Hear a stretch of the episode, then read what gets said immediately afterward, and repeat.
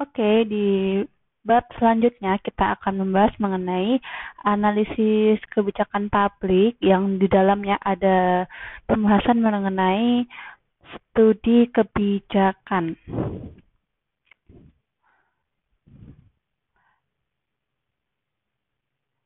Nah, eh, di studi kebijakan sendiri membahas mengenai Konsepsi dan manfaat analisis kebijakan. Konsep dasar analisis kebijakan. Nah, berikut ini ada beberapa perhatian yang harus dimiliki oleh analis kebijakan.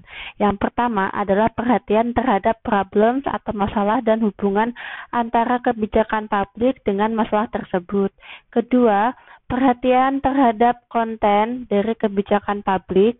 Ketiga, perhatian terhadap apa yang dilakukan dan tidak dilakukan oleh pembuat kebijakan atau lebih fokus pada input dan proses. Keempat, perhatian terhadap konsekuensi-konsekuensi dari kebijakan dalam kaitannya dengan output dan outcomes. Selanjutnya, peran analisis ke Peran analis kebijakan biasa ditemukan pada satu universitas, yaitu para akademisi yang memiliki perhatian terhadap kebijakan dan problem yang melingkupi serta proses kebijakan. Dua, lembaga penelitian independen dan think tank, yaitu dapat berupa pegawai tetap atau partikelir yang terlibat dalam riset tertentu.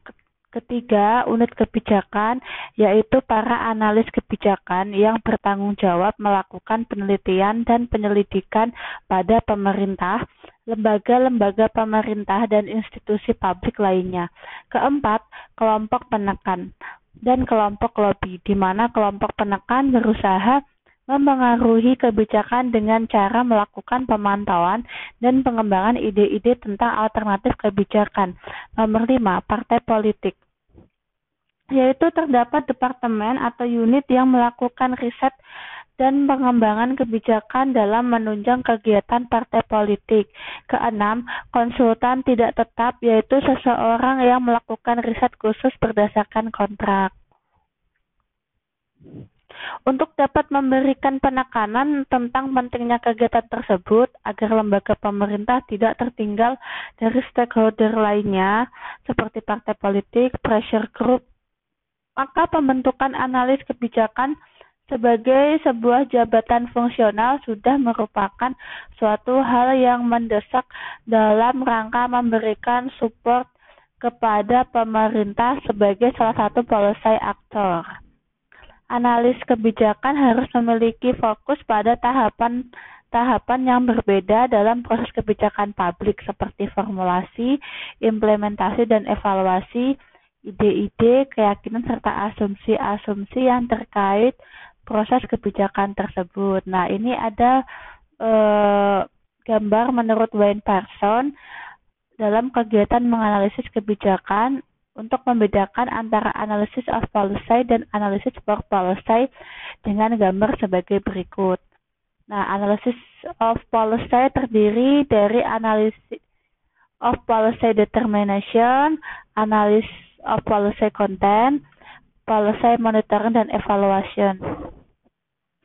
Sedangkan analis for policy terdiri dari information for policy dan policy advocacy. Analis of policy atau analisis terhadap kebijakan. Yang termaksud analis of policy adalah satu, batasan pada sebuah kebijakan, yaitu analisis yang difokuskan pada bagaimana, mengapa, dan kapan, serta diperuntukkan bagi siapa atau target group sebuah kebijakan dibuat.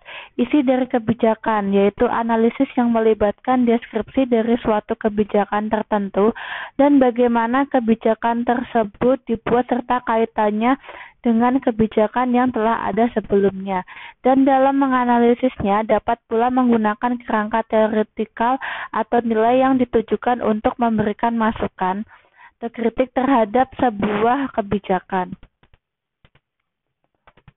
Selanjutnya, monitoring dan evaluasi kebijakan, yaitu analisis yang dimaksudkan untuk menguji apakah sebuah kebijakan telah menunjukkan kinerja sesuai tujuannya dan seberapa besar dampak kebijakan bagi problem yang ada.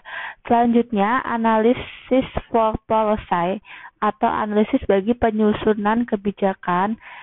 Kegiatan analisis ini mencakup satu, dukungan kebijakan atau policy advocacy, yaitu analisis yang mencakup riset dan argumen-argumen yang dimaksudkan untuk memberikan pengaruh terhadap agenda kebijakan baik dari lingkungan internal maupun eksternal pemerintah.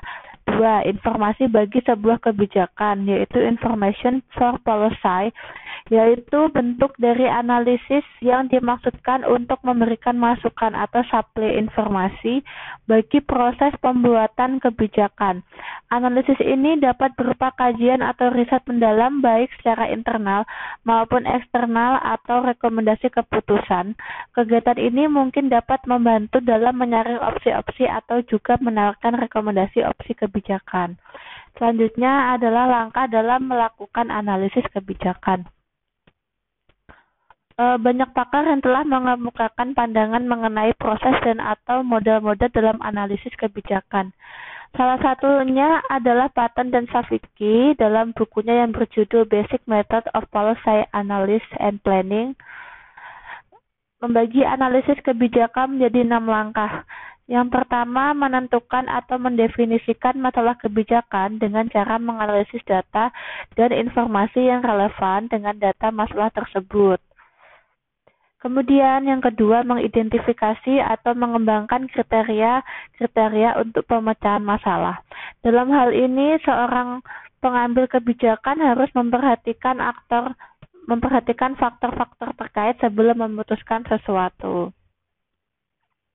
Ketiga, membuat daftar alternatif yang akan dipilih sebagai kebijakan terbaik dalam menyelesaikan masalah kebijakan. Empat, melakukan analisis dan evaluasi terhadap setiap kriteria yang dikembangkan dengan memberikan bobot terhadap setiap kriteria. Yang kelima, melakukan evaluasi terhadap setiap alternatif berdasarkan kriteria yang telah ditentukan untuk kemudian memilih alternatif terbaik sebagai kebijakan terpilih. Yang keenam, menjalankan kebijakan yang telah dipilih.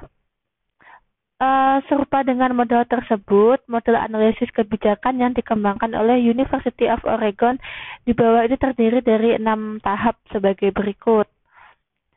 Model analisis dari Oregon yang pertama itu verify, define, and detail the problem. Yang kedua, establish, establish evaluation kriteria. Ketiga, identify alternative policy. Yang keempat, evaluate alternative policy. Kelima, display and distinguish among alternative policy. Yang keenam, monitor the implemented policy.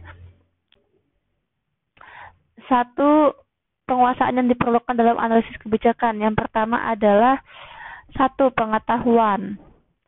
Yang kedua adalah organization. Yang ketiga adalah intellectual capacity. Yang keempat adalah relationship kompetensi. Yang kelima adalah personal kompetensi.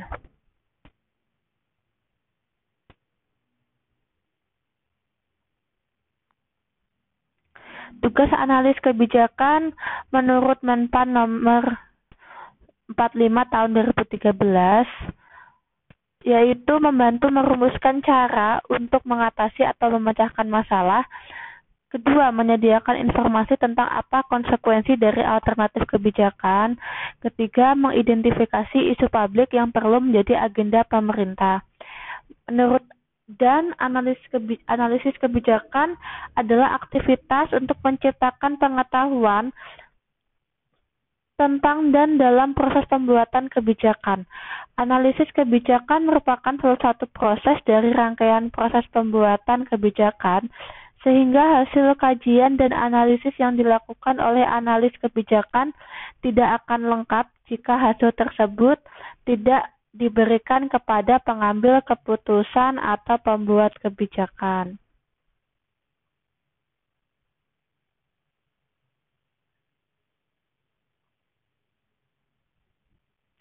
Nah, per, ini adalah tabel perbedaan antara penelitian ilmu sosial dan penelitian kebijakan. Yang pertama, penelitian sosial memberikan pencerahan pada bidang keilmuan, sedangkan penelitian kebijakan mengembangkan pemahaman terhadap masalah kebijakan. Yang kedua, penelitian sosial tidak mengembangkan instrumen untuk penyelesaian masalah. Sedangkan yang kedua, penelitian kebijakan mengembangkan instrumen atau perangkat yang dapat digunakan untuk mengatasi masalah. Yang ketiga, penelitian sosial lebih sempit atau fokus dan tidak terlalu kompleks. Kemudian penelitian kebijakan fenomena yang dibidik lebih luas dan kompleks serta multidisipliner. Yang keempat, penelitian sosial mencari interpretasi yang lebih mendalam terhadap permasalahan yang dibatasi. Kemudian, penelitian kebijakan cukup puas dengan kebenaran yang sifatnya umum atau relatif kasar. Penelitian sosial yang kelima lebih pada kritisme intelektual. Sedangkan peneliti kebijakan yang kelima lebih cenderung memunculkan kritisme yang didorong motif politik. Kemudian adalah political skill atau kemampuan politik.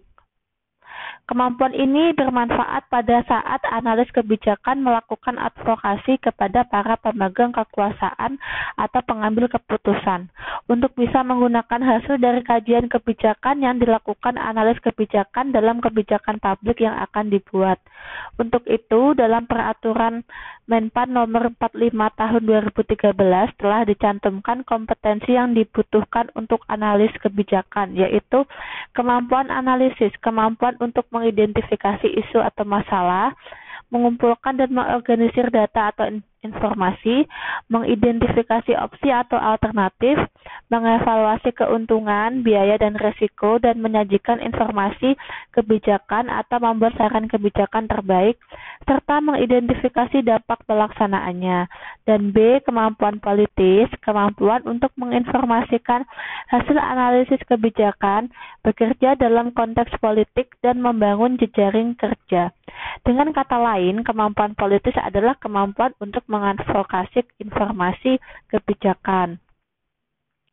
Selanjutnya ada beberapa faktor yang mempengaruhi dalam penyusunan kebijakan di antaranya satu faktor politik, dua faktor ekonomi atau finansial, yang ketiga faktor administratif atau organisatoris, yang keempat faktor teknologi, kelima faktor sosial budaya agama, keenam faktor pertahanan dan keamanan. Terima kasih atas perhatiannya. Sampai bertemu di bab selanjutnya mengenai teknik dan kriteria dalam analisis kebijakan.